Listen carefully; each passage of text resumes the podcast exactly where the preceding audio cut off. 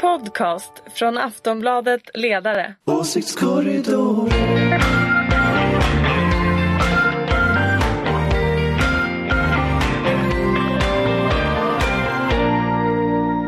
Hej och välkomna tillbaka till Åsiktskorridoren. Det har blivit 2020.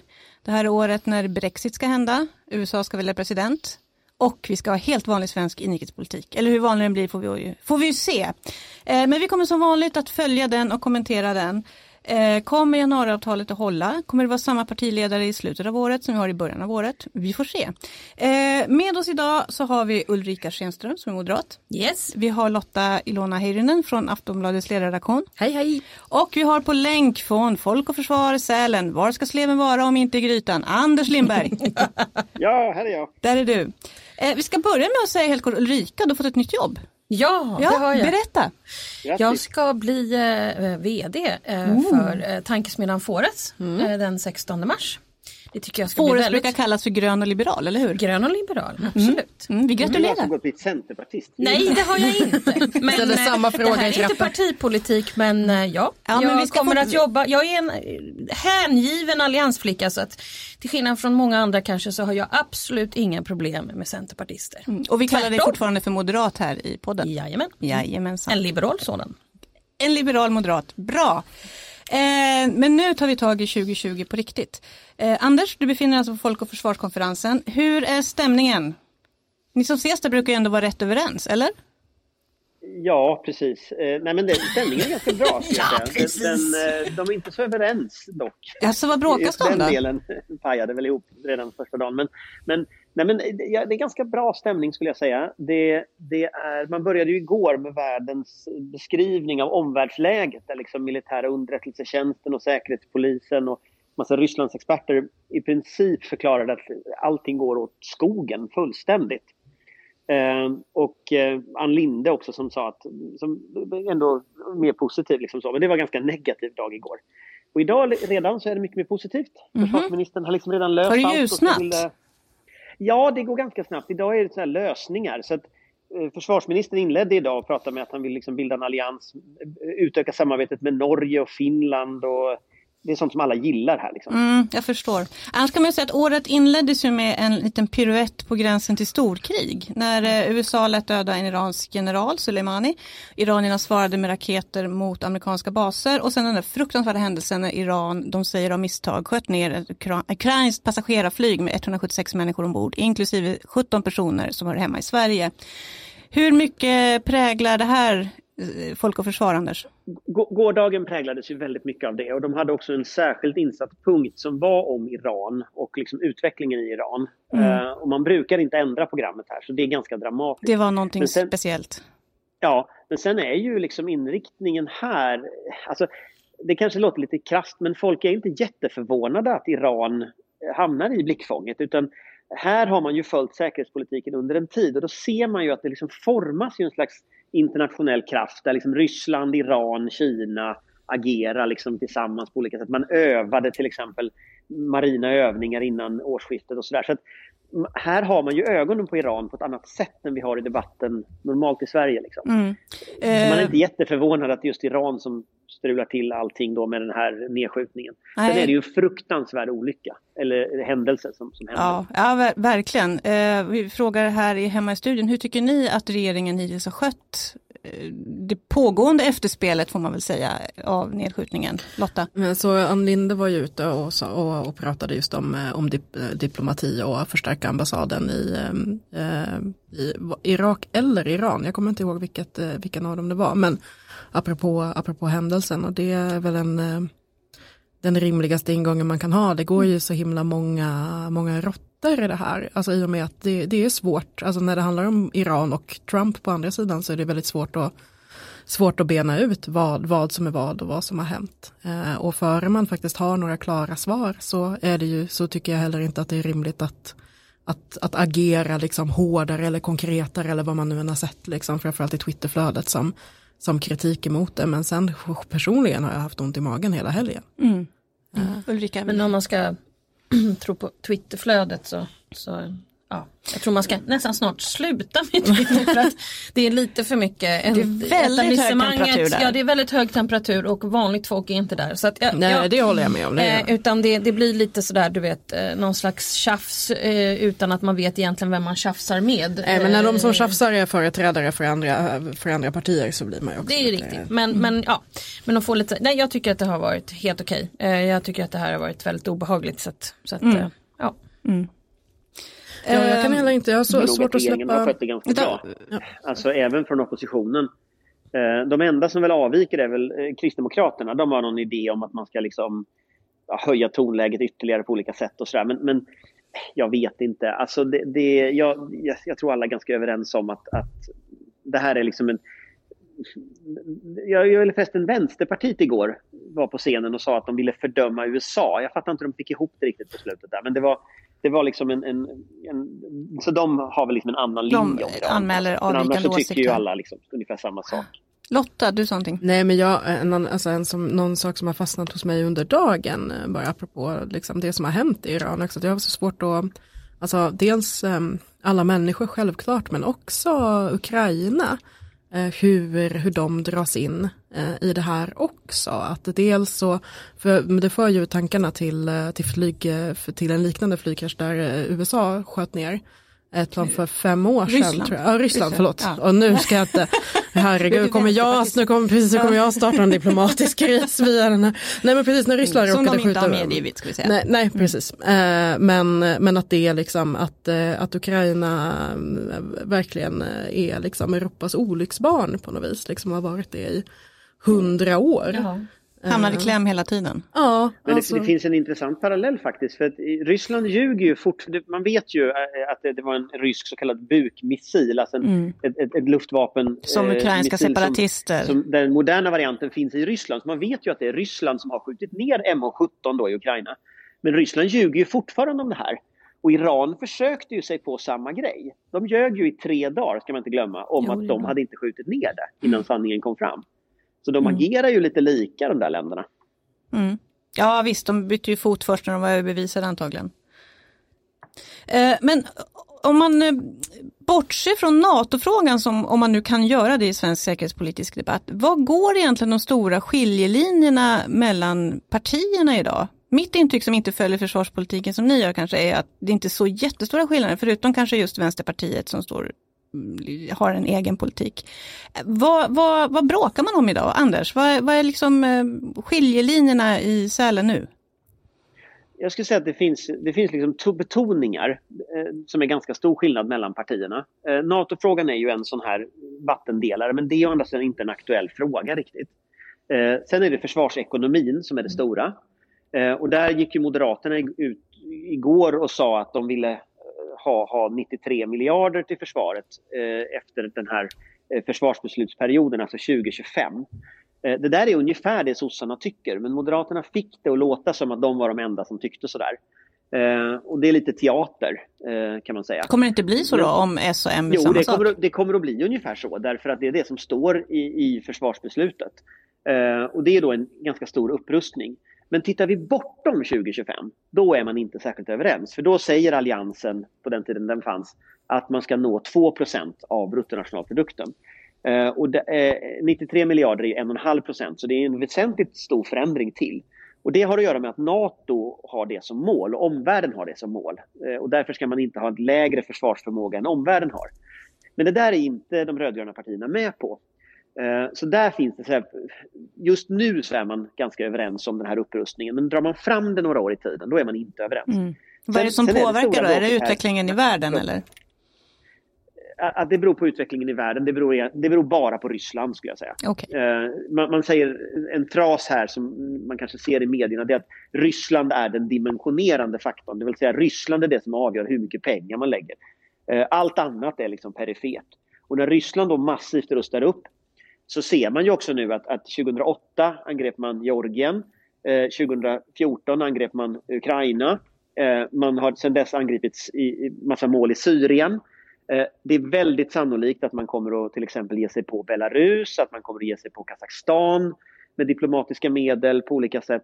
Så att, så att vi ser ju ett Ryssland som inte respekterar regler, angriper sina grannar Och så råkar vi vara en av de där grannarna. Så att, det är klart att det blir ju det som styr. Okej. Ehm, du nämnde tidigare Anders att Ann Linde hade pratat vid, i, i Sälen, utrikesministern.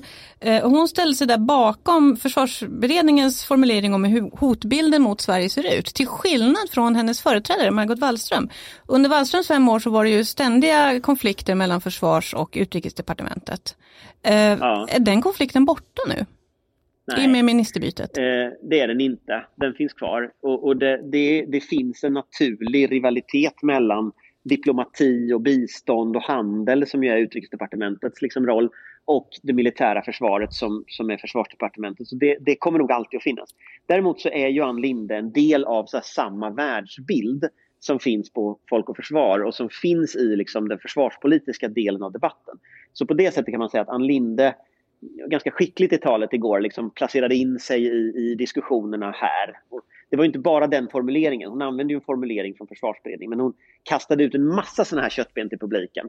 Hon berättade om hur Ove Victorin hade träffat henne i pianobaren och diskuterat eh, försvarspolitik och eh, när hon, när hon liksom var här för Vilken, 25 år vilken sedan. crowd Så att pleaser! Ove Ja, Victorin är en gammal crowd ÖB eller? Det. Ja, nej, jag Det inte Exakt, det får- i pianobaren. Ja, men det heter sånt här. Ja, ja. Jag har varit där. Du har det? Nej. Nej men jag, jag, jag tänker så här att liksom hon, hon vill flytta socialdemokratisk utrikespolitik från liksom en mera idealistisk politik till en mera realistisk politik och till en, liksom en mera hård, liksom, eh, hårt tonläge. Och det, det lyckas hon med väldigt bra. Från Men aktivist till rivaliteten realist. kommer att finnas kvar och det kommer att komma upp nya frågor liksom, Mm. med tiden. Ulrika satt och nickade här. Vad, Från aktivist till realist. Utrikesministern alltså. Du ska säga precis, exakt, jag håller med dig Ulrika. Ska Anders säga nu. Ja, fast, fast, fast jag, säger så här, jag skulle säga så här, socialdemokratisk Nej, inte. politik är inte riktigt så enkel. Därför att, I tried. därför att, jo, men därför att Socialdemokraterna har alltid varit extremt realistiska i närområdet. Eh, mot Ryssland, eh, mot så. Eh, och, och, medan däremot man har varit idealister kopplat till så här, Sydamerika eller, eller Afrika. Och då har man haft en idealistisk politik. Det Ann Linde gör nu det är att hon så här, vidgar sfären där Socialdemokraterna är väldigt realistiska till den transatlantiska länken, till Europa, eh, hela Europa. Och det får man väl se vad det stoppar, men någonstans stoppar det ju. Vi har fortfarande en feministisk utrikespolitik till exempel. Det är en typisk idealistisk utrikespolitik. Mm. Jag såg att hon hade sagt till Expressen igår att hon, eh, hon var feminist och socialdemokrat men hade inga problem med den svenska vapenexporten. Det tyckte jag ändå... Nej, hon fick en fråga om det här också från Svenska Freds som försökte lyfta då den ganska bisarra situationen att Sverige då exporterar vapen till Jemen. Mm. eh, som ju för tillfället är inbegripet i ett, ett krig då från, med Saudiarabien. Eh, och, och där har ju Socialdemokraterna och Miljöpartiet ett problem för de har ju i januariavtalet sagt att de inte ska exportera de här vapnen. Eh, sen gör man det ändå. Och det är klart att det, det är ett problem och hon Och just den punkten ser man inte så himla mycket protester mot. Hon säger att vi följer reglerna ungefär. Eh, Okej. Men det är ju inget svar på frågan så, att, så att den, det kommer nog att förfölja även henne. Mm. Hörrni, jag tror att vi, vi lämnar eh, försvars och säkerhetspolitiken för ett ögonblick så går vi vidare. I helgen fyllde januariavtalet ett år. Hurra, hurra, hurra, hurra. Imagine the softest sheets you've ever felt. Now, imagine them getting even softer over time. I'm here to tell you about Bowl and Branch sheets. In a recent customer survey, 96% replied that Bowl and Branch sheets get softer with every wash. They're made from the rarest organic cotton and designed to get softer over time. Try their sheets with a 30-night guarantee, plus 15% off your first order with code BUTTERY. So head to B-O-L-L and branch.com today.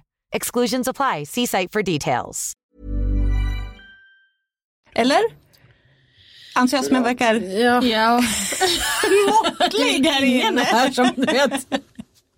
Och det tycker jag, reaktionen här, en djup suck från Lotta till exempel, eh, tycker Nej, jag jag verkar beskriva här- svenska folkets relation ganska mycket till det här avtalet också Ja, som just nu styr det här landet. det är skönt att kunna känna sig folklig lite då och då. Mm. Men jag har den här eh, partisekreterardiskussionen eh, diskussionen eller debatten eller vad det nu än var för någonting som sändes på Agenda igår färskt i, färskt i minnet. Och det, det var liksom, det var som att det var ett ganska defensivt gäng va? Ja, nej men, ja och det var mycket, det, det, var, det var, verkade ju, alla var väl någonstans i slutändan kanske överens om att ingen riktigt visste hur man skulle hantera det här eller hur bra det var i slutändan. Eller liksom hur ska partierna för, å ena sidan hur ska, hur ska S som parti driva S-politik och samtidigt som den går i clinch med januariavtalet. Men sen visar det sig att Centerpartiet sitter ju lite i samma sits och vem får göra vad och för, hur, hur funkar det mellan statsråd och partisekreterare. Vem, vem gör utspel som vad och det där tror jag.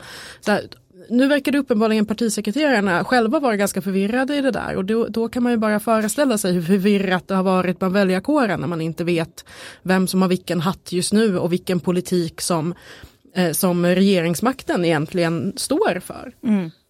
Ulrika, du har suttit eh, centralt i Alliansen, ett stort eh, samarbetsprojekt. Vad, vad, tänker du liksom om eh, dynamiken nej, nej, i den här kvartetten? Det är klart kvartetten? att det alltid är ett problem att, eh, att just eh, komma överens om hur man ska gå tillväga när man gör sådana här saker. Vi hade ju extremt många kontrollfunktioner och så här för att man inte skulle göra alla varandra varga och alla falanger, alla partier som blir förbannade för minsta sak och sådär. Man får ju komma ihåg till syvende och sist varför man har ett samarbete och i, i den här januariavtalet tror jag ju ändå det är så att man har alltså betalat så mycket från så många olika håll här och tagit så mycket i kompromiss på grund av att man vill hålla Sverigedemokraterna borta från inflytande. Och eftersom det, det, är det som är det övergripande orsaken till varför man har gjort det här så tror jag heller inte att de kommer komma ur det. Mm. Eh, utan man kommer att klara av att betala och så vidare. Jag tror däremot att det kommer bli svårt för Socialdemokraterna att inte fortsätta gå ner i opinionen när man har en socialdemokratisk regering som levererar borgerlig politik på många mm. områden. I en liten Novus-undersökning som SVT hade låtit göra inför Agenda igår så var det 8% av LO-väljarna som tyckte att eh, januariavtalet var bra eller ganska bra. Det är inte imponerande. Nej, nej absolut nej. inte men det finns ju säkert andra grupper som tycker att det är jättebra. Som till exempel eh, höginkomsttagare i Stockholms innerstad. Mm.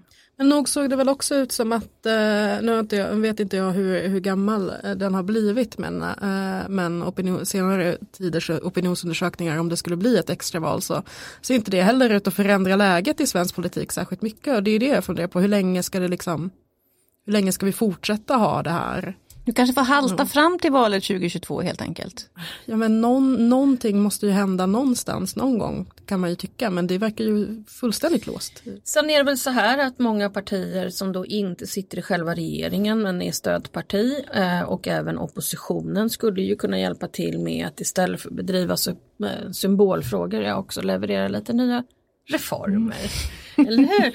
Man kanske helt enkelt också kan fokusera lite grann på de utmaningar som man står inför som kanske inte bara är här och nu utan de som vi om vi spanar in på nästa mandatperiod och mandatperioden efter kommer att behöva göras. Eftersom jag brukar tjata om det här med att vi tar men, till men exempel. Men inte du en tankesmedja nu? Ska inte du liksom... Nej, nej, 16 mars vet du Anders. 16 mars.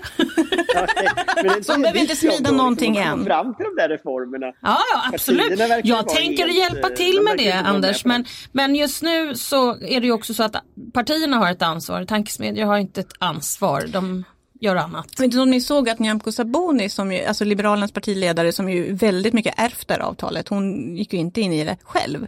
Eh, hon skrev i Svenskan igår om eh, möjligheten till, alltså jag vet inte om hon använder ordet omförhandlingar ska jag inte svara på, men liksom inom och, om, och utanför avtalets ramar liksom nå fler överenskommelser. Och hon nämnde särskilt rättsfrågor, integration, Eh, och den, möt, den kommande lågkonjunkturen, hur man skulle mota den i grind.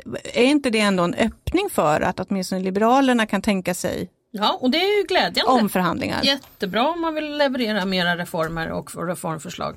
Mm. Det är bara att börja snickra. Ja. Fast, fast det är inte liksom det stora problemet med januariavtalet om man tänker liksom Alltså idén med januariavtalet är ju att stoppa SD. Och så mm. ökar du nu ojämlikheten i Sverige. Mm. Eh, du, du, du ökar klyftorna i Sverige. Du tar bort pengar från välfärden som borde gått till välfärden eh, med värnskatten. Alltså du, du, du bäddar ju för en politik som driver ännu fler människor till SD. Eh, så det, det, man borde ompröva det är ju det. Liksom. Alltså reparera sjukförsäkringen och, och, ge pengar till sjukvård och skola. Ja, alltså det är absolut välfärden som är liksom. problemet. Liksom. Men det finns ju inga tecken på att man har på något sätt de Nej, samtalen. de frågorna är ju inte uppe i, i regeringsfrågan överhuvudtaget verkar det som.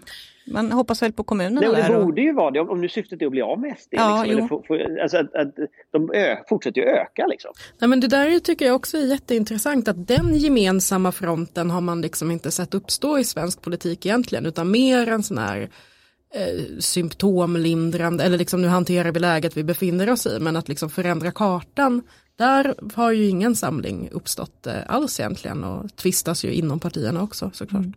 Jag tänkte, eh, i Agenda igår så var det ett litet eh, inslag före den här lite sömniga kvartetten träffades i studion så var det bland Per Schlingman som pratade, man, man pratade om det här att, eh, att man, kan, man har inte kunnat se de här fyra partiledarna på en bild, det är så sällan de uppträder tillsammans. Men det jag tänkte var intressant var att, han, att Schlingman sa att när, för ett år sedan när avtalet kom så framstod Centerpartiet väldigt mycket som vinnare, som att de hade fått väldigt stort genomslag. Men att det har förändrats under året som har gått, inte minst med tanke på arbetsförmedlingsfrågan, eh, i viss mån skol, friskoleformen börjar inte skaka liksom Jo. hela skolfrågan i Sverige är ett intryck. Eh, och att de inte längre framstår som de här självklara vinnarna. Håller ni med om, det, om den analysen? Ja det är klart att eh, Centerpartiet framstod som stor vinnare men det är klart att man behövde också ha igenom någon slags stor reform som visade på att man verkligen hade vunnit för att kunna möjliggöra att, att stödja Socialdemokraterna. Så är det ju. Och sen har väl den där uh, arbetsförmedlingen, den har vi ju tjatat oss igenom hela december, hela november. Den lär också. återkomma är den. Ja, Vi är inte färdiga med den. Så, så är det klart att eh, den kanske gjordes lite för snabbt eh, och kanske man skulle ha gjort lite mer utredning på den. Ja, vad vet jag, men, men så kan det ha gått tillväga. Tror jag, att det, det, det gick lite för snabbt och det funkade inte och framförallt om man går in mot en lågkonjunktur så är det klart att om man vill att hela landet ska leva så är det klart att, att eh, man inte kan ta bort eh, viktiga funktioner från lands och glesbygd. Alltså Men, men, alltså, jag, jag tänker så här, jag, jag tyckte de här partisekreterarna var rena dödsmässan eller att Agenda var rena dödsmässan. Liksom. Alltså, det var ju en hopplös församling. Jag vet inte om jag vill se de där fyra partiledarna på bild. Ja, det var Alltså, de, de, de gillar ju inte varandra. Det blir ju inga bra bilder av det. Alltså, hela Alliansens idé var ju att signalera någon slags energi och glädje. Liksom. Här har du fyra partiledare som uppenbarligen inte passar ihop. Liksom. Skulle i och för sig kunna bli väldigt bra meme-material för internet om det är fyra stycken tjuriga partiledare. Så. Ja, och underlag för public service på Godmorgonvärlden. Ja, mm, det är väl det. Och det är därför de driver den frågan i Agenda nu. Alltså. Ja, Bild, bildredaktion, Satir. och inspiration från bildredaktörer. Ja, precis. Mer satir. Jag tänkte vi skulle bara avrunda, bara helt snabbt. Det var en fråga som seglade upp och lite grann dog men vi ska ändå nämna den. Igår så hölls en kommunal folkomröstning i Helsingborg som handlade om huruvida man skulle sälja ut kommunala energibolaget eller inte. De som drev frågan var de styrande som var Moderaterna, KD och Liberalerna som hade fått stöd av Sverigedemokraterna för, för ja till detta. Eh, övriga partier är emot och så hade man en folkomröstning där enligt preliminära siffror, så är slutresultatet kommer imorgon tisdag, 50,6 procent gick och röstade. 96 procent sa nej. Det är så här förödande. Det är ju faktiskt... Förödande. Sad- Saddam Hussein hade. Ja, Saddam hade varit avundsjuk. Det var folket versus blind privatiseringsideologi där. Så kanske det var. Någon, någon som har, det, det är någonting jag känner igen här kring det här med folkomröstningar den senaste tiden där det går liksom fel. Inte, folk som man röstar hade inte tänkt rätt. Nu ska vi också Någon som har sett. Cameron på länge. Nej, men det där gick väl alldeles ut, alltså precis, det gick väl precis som folket hade tänkt sig. Och, ja, eh, ska och säga att, att de styrande var ju emot den här folkomröstningen. Ska Ja. vi säga. De ville driva igenom det här utan folkomröstning men med, på ett folkinitiativ så, så blev det så i alla fall. Och vad jag förstår så har nu alltså den här eh, ledningen backat från förslaget så nu ska man då inte sälja sitt energibolag. Men jag tänker den större frågan, är inte det här ett tecken på att folk i gemen har tröttnat på utförsäljningarna? Ja, eller att vi är på väg till någon slags eh, diskussion om förstatligande eller ja. Och det, det, är ju, det är ju den här backlashen sen, sen avknoppningarna på 80-talet framför allt skulle jag säga våra välfärdsverksamheter som kommer att få problem. Eh, och det beror ju på att vi hela tiden har haft eh, de som styr våra finansiella instrument som banker och så vidare. De har hur många regleringar som helst att förhålla sig till medan de som håller i våra våra barn, eh, våra sjukdomar och våra äldre, där har man liksom inte in, tillsatt just eh, de typen av regleringar. Och då har man ju också gjort eh, ett eh, sunt företagande en otjänst kan man ju säga genom att inte ha det reglerat. Så du tror att vi kommer att se en tillbakarullning nu under 20-talet? Ja, det är inte sagt men jag tror att debatten kommer att handla väldigt mycket om därför att jag tror att det har varit lite för många eh, cowboysare inom företagande som, som, som kanske inte har varit helt eh, stått för ett jättesunt företagande. Mm. Sen tror jag ju att någonstans just nu så sitter det ju en moderat konsult och gråter för att eh, de skulle köpt det där. Eh, eller någon, någon med koppling till Ah, Moderaterna det fanns en köpare någonstans. Mm. Men det är ju det vi har sett också är att det har ju varit rena rama korruptionen. Ganska mycket. Men det är ju det här jag menar, att det måste finnas en reglering På när de ledande välfärdsbolagen så är det ju borgerliga politiker som sitter i ledningen för de där. Så att jag menar, det finns ju, det, det är ju någon slags, det är en väldigt otäck utveckling som har varit under lång tid. Så att jag tror ju, skulle du ha en folkomröstning om vinst i välfärden till exempel, då skulle du ju säkert också få eh, en stor majoritet som inte vill att man ska få ta ut vinster. Men det här är liksom första gången som jag vet i alla fall nu som bara en sån fråga har bara ställt till folket. Låt människor avgöra detta. För jag tror ju inte den här privatiserings och avregleringstjosan, jag tror inte den har ett folkligt stöd överhuvudtaget. Liksom. Tror du att den Men- kommer minska då? Jag tror ju som Ulrika att det kommer bli en debatt om det. Men sen är det ju tyvärr så att det finns så starka ekonomiska intressen idag som har så starka lobbygrupper runt sig. Så att de kommer ju att förhindra att det blir någon vidare, vidare liksom mer ja, rimligt sätt att styra. Och jag Ja. tror vad borgerligheten lär sig av den här folkomröstningen, det är ju säkert att inte ha folkomröstningar. Det är ju säkert inte att liksom sluta Att inte tycka sälja att man ut. ska sälja ut saker. Mm. Mm. Ulrika? Och, och, jag menar, Anders Borg tillsatte ju faktiskt trots allt den här Eva Lindströmska utredningen eh, redan 11, 12, 13 någonstans där det är länge sedan nu men i alla fall som just handlade om hur man reglerar de här typerna av företag, välfärdsföretag. Vad mynnade den var- ut i då? Nej men det var ju den som hade en av alla jättemånga punkter, där var en av dem vinster i välfärden. Och Men det handlar ju också om hur, eh, vilka som sitter i styrelsen, vilken kompetens ledningsgrupper måste ha och så vidare. Det finns ju massor med saker som till exempel våra finansiella eh, företag eh, måste, måste rätta sig efter. Men där inte välfärdsföretagen har gjort det. Så att, så att eh, det här kommer det bli diskussion om tror jag och det hade kanske varit bra om, om den där utredningen på något sätt någon gång hade faktiskt blivit någonting av en proposition och gått igenom. Ja, men jag är nyfiken på, eller hopp, jag är nyfiken på om, om privatiseringsdebatten också kan liksom börja komma och handla om bitvis, inte helt för att jag tycker att det finns liksom när det kommer till friskolor och väl, välfärdsdelen och så vidare att det finns verkligen hur mycket som helst att, eh, att hålla låda om i evigheter om allting som inte fungerar som, det- som det ska där. Men när jag tänker på just omröstningen som varit i Helsingborg, när det handlar om energi som är någon sorts väl ex, extremt basal resurs, att om det, om det dyker upp en folklig diskussion om, eh, om liksom det gemensamma ägandet av naturresurser, för mig är det fullständigt, nu skiter jag i om jag kommer låta som, eh, som en mycket hårdnackad vänsterpartist, men, eh, vilket jag då inte är, men, eh, men att, att, att våra naturresurser skulle ägas av någon annan än gemensamt, det tycker jag är befängt. Och det Befängt ja. är ordet. Ja. Ja. Jag, tänk, jag nämnde det lite kort, alltså jag upplever som liksom bara följer debatten lite från sidan sådär, att just i, i skolfrågan, friskolorna, så börjar det ändå hända, det börjar liksom röra på sig i opinionen där. Jag såg att Benjamin Dosa, ordförande i MUF, var ute och sa att någonting, så här kan det inte få gå till. Vad, vad, vad tror ni, kommer det hända någonting på skolområdet? För samtidigt har ju Annie Lööf varit väldigt, hon bassade ju Anna Ekström när hon var ute på Twitter och, och pratade om vinster i välfärden och det skulle, vi ska hålla oss till januariavtalet.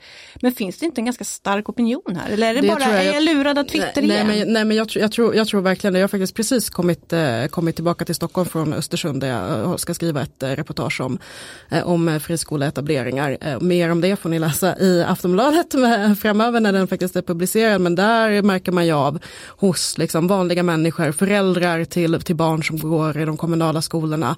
Eh, liksom hela lokalsamhället har ju en, en, en helt annan inställning till, eh, till friskolefrågan utifrån, liksom, inte utifrån sån här för eller emot, eh, emot friskolor utan hur det påverkar ett helt samhälle och vilka det i slutändan är som får välja, vilka det är som får betala för det i slutändan och där finns det liksom en stor diskussion som verkligen går in folk på skinnet och jag, tycker att, och jag tror att det där kommer att växa. Ulrika? Jag tror också kommer växa, kommer ju även eh, själva driftsformen för diskuteras. Om vi tittar på Storbritannien till exempel där många av de här så kallade företagen är, är, är väldigt framgångsrika.